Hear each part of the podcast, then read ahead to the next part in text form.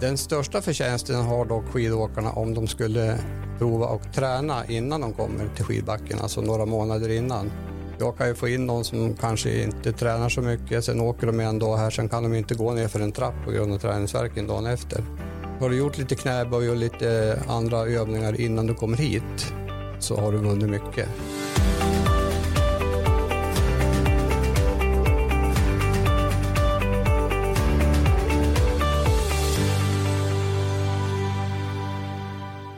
Linnea stretchar käkmusklerna. Vad sa du? Ja, vi, vi kan göra en övning här. Det är ju ingen som ser. Sträcka ut. Pratar man bättre då eller vad blir Ja, det beror på det. Ja, det precis. visar sig sen när man har tagit klart. Exakt. Ja, det är lite försnack med eh, Christer Paulsson. Han är här idag i Vemdalen Podcast för att eh, Ja, dels har jag bjudit in honom såklart, men det är också för att han är ju väldigt duktig på det här just med leder och eh, ben och ligament och, Och allt det är väldigt bra liksom när man åker skidor ju. Att ha kroppen. kroppen med sig. Ja, men exakt. Det är viktigt. Ja. Jag, jag är bra på rörelseapparaten. Det är en sån här bra sammanfattning på vad vi håller på med. Precis. Och det innefattar ju väldigt mycket, rörelseapparaten, Ja. inte bara Muskler och leder armen. kan man till säga. exempel. Ja, I precis. princip. Kort sammanfattat. Ja. Och du eh, jobbar ju här, eh, bland annat uppe här på Vemdalsskalet där vi befinner oss, bara en liten bit ifrån vårt kontor så har ju du praktiken där, där du håller till Japp. som naprapat. Ja, eh, jag har ju drivit klinik både här och i Östersund och startade här 2014. Och det var väl när torget började byggas, det man kallar för Skardets torg här då. Så att jag var nog först in i den byggnaden överhuvudtaget. Så Men du har att, eh, jobbat längre med naprapaten? Ja, sen naprapat. eh, 86 startade jag egen liten låda och sen har, med tiden så behövde man lite hjälp så då anställde man lite folk och sen blev det större och större och till slut så för ett drygt två år sedan så eh, blev jag tillfrågad av naprapatlandslaget, det är en kedja i branschen med kliniker både i Sverige och Norge om jag ville sälja. Så då sålde jag både Östersundskliniken och kliniken här i Vemdalsskalet. Och samma veva så startade med en klinik i år också. Så att från att vara en vit fläck på kartan då, så är vi tre kliniker i Jämtland här i Dalen idag. Man kan tänka sig att det blir mycket skidskador och åtgärder som du har jobbat med de här åren också. Ja, det, det har varit speciellt som jag har eh, två egna barn som har gått upp i Järpen på Alpina skidgymnasiet. Så att, eh, och sen har jag jobbat lite med landslaget och framförallt mycket med skidgymnasieåkare ska jag säga. Men var det så att du började lite som naprapat med om man säger vanliga skador och sen gick du över lite mer på idrottsrelaterade skador och skidåkning till exempel? Så att det har blivit någon form av specialitet för dig? Ja, alltså vanliga skador på vanliga Svenssons, det har alltid funnits med. Men även idrottsskadorna. Så att vi har, vi har varit lite nischade mot båda grupperna kan man säga. Jag spelade fotboll själv när, när det begav sig och då hade vi en naprapat i laget. Så kanske var då man fick intresse för det här. Och på så sätt så, så vart man intresserad och sökte utbildningen. Då. På det spåret är det helt enkelt. Och eh, du är ju här idag tänkte jag främst för att vi ska prata om eh, ja, det som eh, vi drabbas av lite då och då när vi åker skidor. Det är egentligen skador relaterat till skidåkning, kanske mest utförsåkning men jag gissar att det är längdåkare och skoteråkare och allting som, som dyker upp på kliniken här på skalet. Ja, det är alla kategorier. Det som vi kanske får in mest ändå är väl kanske rygg-nackrelaterade problem. Sen eh, knäskador på en sån här skidort finns alltid med i bilden dessutom. Klart är det en knäskada av allvarligare art då hamnar de på hälsocentralen och kanske inte hos mig i, i, den fasen. Då hamnar de kanske i ett senare fas i rehabsyfte i så fall. Ja, precis. Det är Ja. ortopeden först och sen du. Ortopeden först och sen, sen kanske jag kommer in i bilden på rehabsidan då. Ja. Men är, du säger alltså ryggskador, är det, skulle du säga att det är den vanligaste skadan för en skidor? Är det för att man har ramlat eller sträckning eller vad, vad är liksom bakgrunden till det? Ja, men vore ni med mig en vecka så skulle ni upptäcka att många kommer hit med ryggproblem. De startar sin skidsemester med att ha problem med ryggen och sen försöker de åka skidor med den onda ryggen och det brukar fungera väldigt dåligt. Sen kanske man har köpt liftkort, eh, bokat en vecka och då gör man ju allt på måndag och tisdag för att få hjälp då. För att försöka få dem på skidor innan veckan är slut. Så det är ganska ofta det ser ut så faktiskt. Och är det ofta de kommer in då och tänker nu, ge mig ett mirakel? Ja, det, Fixa det det är här. det de vill. De vill alltid ha ett quick fix såklart. Och vad är det du gör? Är det några specifika övningar eller sånt Alltså, det beror då? helt och hållet på vilken diagnos man ställer på ryggen. Det kan ju vara, eh, det är klart kommer de in med ett diskbråck då vet man att då är det inget quick fix utan då har en viss läktid hur den försöker göra. Eh, däremot är det muskelrelaterat eller inflammation, ligament, ledband och sådär så kanske man har större utsikter att få, kunna skapa en sån situation där de kan åka skidor innan veckan är slut. Men det beror helt och hållet på diagnosen ska jag säga. Hur skulle du säga att en, en skada skiljer sig från, låt säga för, vad var den vanligaste skadan för 30 år sedan jämfört med idag? Är det någon skillnad liksom i, om man tänker med prylarna gör sitt kanske? Du tänker på själva skidåkningen? Ja, men precis, om vi säger skidåkning till exempel, den, eh, den vanligaste Ja. skadan för 30 år sedan kanske var något annat än vad den är idag. Ja, eh, man kan väl säga så här, eh, med Carvingskinas inträde så, så tycker jag nästan att för de åkarna som är eh, sämst utbildade skidåkning så kanske Carvingskidorna var nästan till fördel. För de är mycket kortare. Så jämfört med tidigare var skidorna mycket längre. Så när man ramlade då så, så hade ju en helt annan eh, så att säga, brytpunkt på det hela. Så att eh, på så sätt så tror jag Carvingskidorna har varit bra för de som är nybörjare. Däremot de som är duktiga att åka, då blir det ju lite mer fart. Om du tänker du åker röda nerfarter till exempel. Då blir ju kraften så pass stor med carvenskidan så då kan du åka på carvenkast och då kan du vrida till både i knä och rygg till exempel. Om du liksom inte klarar av att hålla balansen i åkningen. Vad ska man tänka på innan man ger sig ut? Är det, alltså, är det bra att stretcha lite innan eller såklart fundera på eh, vilken typ av åkare man är så att man inte ger sig ut i svarta backar om man inte är mogen för det till exempel. Men har du liksom några andra tips? Ja, men självklart så är uppvärmning alltid bra. Den största förtjänsten har dock skidåkarna om de skulle prova och träna innan de kommer till skidbacken, alltså några månader innan. För det är klart, om du är bra tränad så blir åkningen mycket roligare. Jag kan ju få in någon som kanske inte tränar så mycket, sen åker de en dag här, sen kan de inte gå ner för en trapp på grund av träningsvärken dagen efter. Har du gjort lite knäböj och lite andra övningar innan du kommer hit så har du vunnit mycket. Ett bra tips där kan ju vara om du bor söderut och hittar någon eh, backe på barmarksträning då. Så ta stavarna och kör lite intervall i den backen. Du går alltså och trycker på lite upp för sen går du sakta nerför och då får du excentrisk träning, det vill säga muskeln jobbar under samtidig förlängning på nedförsvägen, precis som alpin skidåkning är. Då har du vunnit mycket eh, innan du kommer hit utan att behöva liksom gå in på ett gym och köra knäböj. Nej, för det är väl kanske inte liksom gemene man springer på gymmet innan de eh, kommer hit på en skidsemester. Om man är helt otränad, om man inte håller på med någon form av träning, man vet om, eh, man lyssnar på den här podden nu och vet att ja, men jag ska ju iväg här till påsk. Ehm, så här, quick fix då, som vi pratade om tidigare. Snabba, eh, enkla tips på hur du ska träna upp dig för att inte få den här skadan. Ja, jag tror att det, när det gäller att liksom snabbt få upp en styrka på benen så det gör man inte tyvärr. Utan det man kan välja då det är ju liksom rätt nedfarter, rätt mängd skidåkning, starta på morgonen när det är nypistat, eh, välj lätta nedfarter. Det är den rekommendation jag har. Ta Så lite att vila emellan kanske så man Ja, lite benen. vi, vila också. Men framförallt eh, anpassa skidåkningen då efter din träningsdos. Så läs in det på pisskartan vart de blå backarna finns och, och börja där så att säga. Det finns ju lite undersökningar gjorda och eh, jag vet i USA när det gäller skidskador, i USA har man ju till och med nybörjarområden som är bara till för nybörjare för att reducera skidskadorna. Och det är någonting som vi kanske skulle börja fundera på här i Sverige också. Just det, så att man har ett, ett större område där det bara har eh, typ blå backar, röda backar, lite så. och- ja. Till för nybörjare eller där man har åkt väldigt lite skidor. Men kanske lite mer svängrum också så att man inte... Ja, och det tänket finns ju inte riktigt här i Sverige. Utan här, här är det ju liksom ut och kör.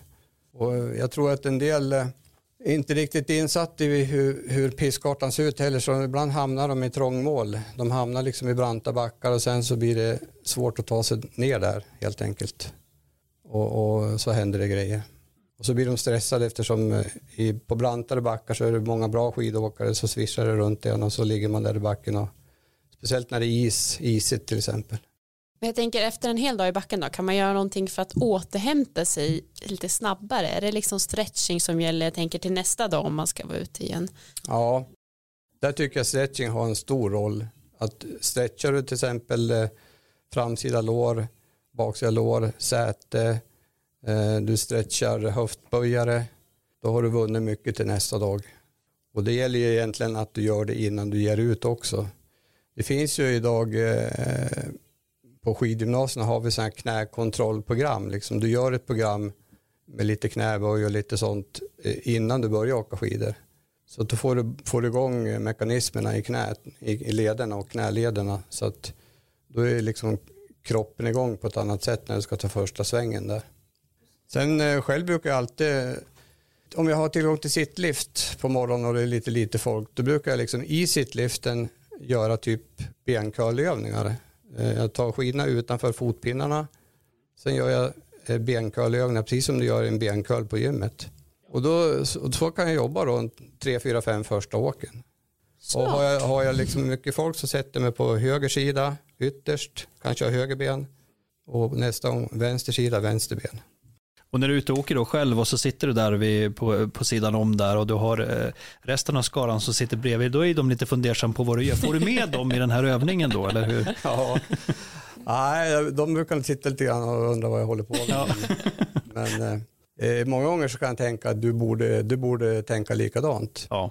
Och här i barnbacken i, i, i Vemdalsskalet som heter då Skalet Express, den sittliften, den är ju liksom mer designad för nybörjare och barn. Där har du ju själva bågen går ju upp och ner och det finns inga fotpinnar så där har du ju alla möjligheter att dingla med benen. Dingla med benen och göra benkörlövningar för fram, framsida lår och du får igång ledvätskan i knäleden till exempel.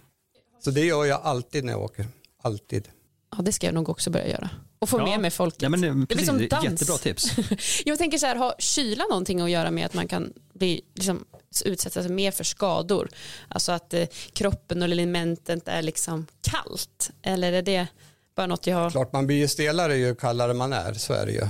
Så klart skulle du vara varmare i kroppen när du sätter igång, då är liksom muskelspolarna igång och, och, och ledsinnet är igång. Det är inte så att det kan gå av, eller det går av då Nej, det går inte av, Nej. men du, du är stelare. Ja. Så att du, du hittar koordinationen bättre om du varmar kroppen, absolut. Så en bra uppvärmning i, ja, i liften är rekommenderat? Ja, eller man kan göra några små grejer innan man kliver utanför dörren hemma också.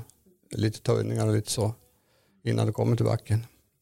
Ja men det är bra tips. Enkla ja. tips liksom hemma. Ja, Ta och liksom stretcha ut lite grann innan du ger dig iväg och hoppa på skidorna. Jag har ju ett litet A4-papper på kliniken som eh, talar om hur man ska göra innan man kommer till eh, själva eh, skidorten, alltså på försäsongen. Okej. Okay. Några få övningar.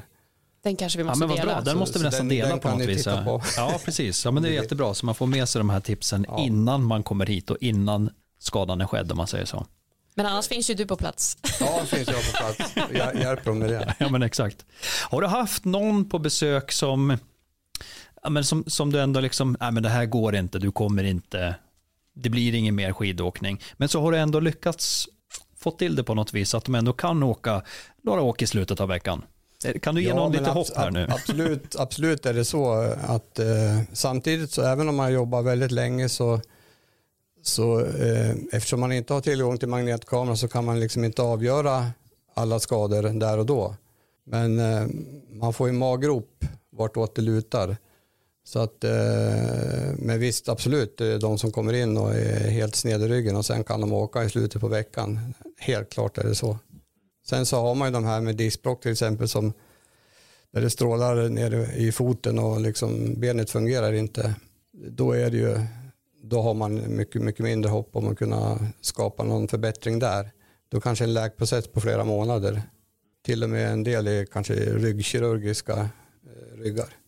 Du kanske får, får vara lite av psykolog också i det hänseendet att du liksom ja, du vet, får berätta det på ett litet fint sätt här att det blir ingen mer skidåkning den här veckan tyvärr. Men... Ja, men det får man göra ibland. När man vet att det är skarpt läge så då eh, försöker man förklara att på ett nogsamt sätt att, att ja. så här, den här diagnosen har du sannolikt och med den diagnosen så kommer inte det här fungera.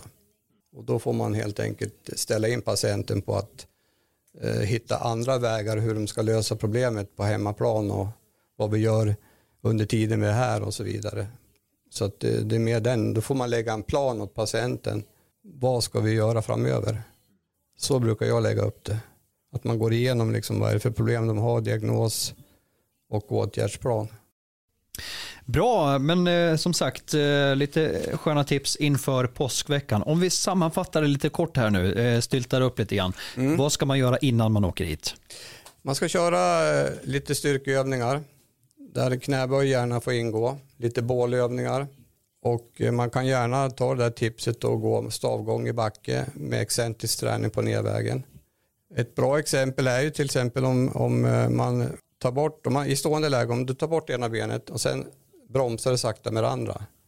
Och sen på uppvägen lägger du till eh, benet så att du lyfter med bägge ben. Ta bort ett ben, bromsa sakta. Då börjar det likna lite grann av den här skidåkningen som kallas alpin skidåkning är. Det vill säga excentrisk träning på nedväg, alltså bromsande. 70% av skidåkningen är bromseffekt. Medan många tränar koncentriskt till exempel i, på gym. De jobbar under muskeln, där muskeln jobbar under samtidig förkortning istället för förlängning. Sen har, sen har man även upptäckt att man kan göra små test på sig själv. Det kan vara att man balanserar på ett ben. Så jämför man höger vänster sida. Ofta så har man en sida som är sämre. Och då har man sett på de här äh, rapporterna om knäskador att en tredjedel av, eller om det kanske är två tredjedelar av alla korsbandsskador sker på vänster ben. Och sen har man screenat upp dem på skidgymnasier innan de får skador. Och då har man sett att de har inte samma koordination, styrka på vänster ben som höger ben. Och då ligger skadan mycket, mycket närmare till hands.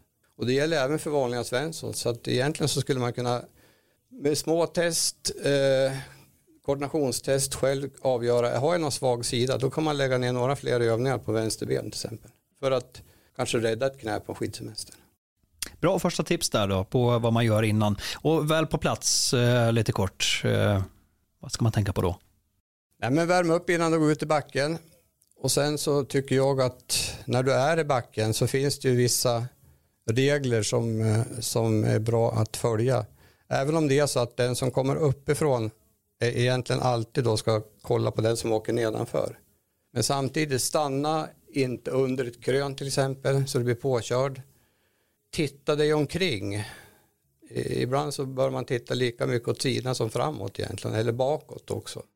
Det är klart, är man nybörjare och åka skidor då har man fullt K att så att säga eh, hålla koll på sina egna skidor så man ser i princip ingenting runt om sig. Och eh, då får man ju som åkare uppifrån då ha kontroll på att kolla på nivån på skidåkaren nedanför. Den här kanske kan gena efter hela backen. Anpassa farten är ju också en sån här klassiker. Att man inte åker för fort. Sen kan, finns det ju barn som hoppar in och ut ur skogen liksom på sidorna, ha koll på det. Och sen dingla i, med benen i sittliften. Ja, Den tyckte jag var Ja men precis, bra uppvärmning inför, eh, inför carving-åket. Om folk undrar vad vi gör här i Vemdalen på påsk så är det att vi värmer upp. Det är ett bra tips tycker jag när du åker skidor för att inte hamna i kollisionsmoment. Försök håll din tracé lite grann. Alltså med tracé menar jag att om du åker på vänster sida på backen, försök att hålla den. Ska du tvära över till höger sida så titta uppåt. Kommer det någon eller inte? För annars så blir det kollisioner. Så försök hålla din tracé. Det känner man själv som skidåkare när man har någon som är, åker nedanför en som är osäker. Känner man direkt, men jag vet inte vad den här tänker göra. Tänk då, bromsa in då. För förmodligen har en ovan skidåkare som inte har de här reglerna klar för sig. Eh, som, som egentligen inte, ibland önskar man att det fanns ett körkort för skidbacken. Hur, hur, vad är det för regelverk som gäller här? Men många har noll, de har ingen koll alls på hur man ska tänka i skidbacken. Och det gör ju att skadorna också och kollisionerna ökar. Ja men det är rimligt. Eh, och eh, avslutningsvis då när man har åkt, eh, när man har betat av den här veckan, när man känner sig lite stel och ja, men man behöver mjuka upp sig lite grann. Vad är sista tipset då? Ja men det är ju... Förutom att besöka naprapat förstås. Ja precis. Nej men stretching är bra, absolut. Det tycker jag. För att få ut muskler till nästa dag då har du vunnit ganska mycket. Även om det inte finns några exakta vetenskapliga belägg för vad stretching fortfarande gör, för det gör det inte. så märker ju elitidrottarna till exempel att det ger effekt. Så, det, så en del eh, som då är elitidrottare, de kan ju säga om inte jag stretchar efter den här 10 000 meter på skridsko, som Thomas Gustafsson en gång i tiden eh, sa på skridsko, så kommer jag inte kunna åka 5 000 meter om två dagar. Och det, det är för att han känner så. Och det ligger någonting i det. Och det gäller för oss andra också, självklart. Och gör det gärna innan du, blir, innan du sätter dig ner och kallnar liksom i muskulaturen så får du bättre effekt. Gör det medan det är lite varmt så att då har du vunnit till nästa dag. Så du får vänta lite med afterskin innan. Ja, men precis, precis innan afterskin ja. då kör man det. Sen kan Exakt. man släppa det där. Ja. Eh, och vätska upp sig så att säga. Ja men vad bra, eh, många bra tips och eh, den där lilla lappen som du hade där inne på kliniken, den tror jag är bra. Vi, jag tror vi får försöka dela den på något vis här så att man har lite koll på vad som händer eller vad man ska göra innan helt enkelt. Exakt. Tusen tack för att du kom. Ja, tack. Hej hej. Och det här var det vi hade att bjuda på i detta avsnitt av Vemdalen Podcast. Men vi är snart tillbaks igen, eller hur Linnea? Ja men precis. Nästa gång så får vi besök av Jenny Ståhl eh, från Fjällbyrån som också driver vårt projekt Freewhale eh, här på Destinationsbolaget. Och där tänkte vi prata lite hållbarhet. Ja men precis, det blir, det blir som ett stort tema hållbarhet som eh, det kanske tar en stund, men det, jag tror att det blir ja, det, bra. Det berör ju så mycket. Liksom, ja. Även hur man kan göra på resan hit och när man är här. Och vi vill ju vara en hållbar destination, så vi jobbar ju från, eh, framåt. Och hållbarhet är ju som sagt ett väldigt eh, brett spektra, så att vi, vi kommer att beta av en hel del där tillsammans med Jenny. Det ser jag fram emot. Jag hoppas det blir snart. Ja, det blir kul. Ja, man vill alltid ha härliga tips också som man kan eh, göra själv. Man lär sig mycket. Ja men det gör man, absolut. Så att det är vad vi går igenom alltså i nästa avsnitt. Det blir välfyllt på hållbarhetstemat nästa omgång, så missa inte det. Och gillar ni den här podden så får ni jättegärna tipsa era Vemdalen-vänner att lyssna på oss. Och vi finns ju där poddar finns.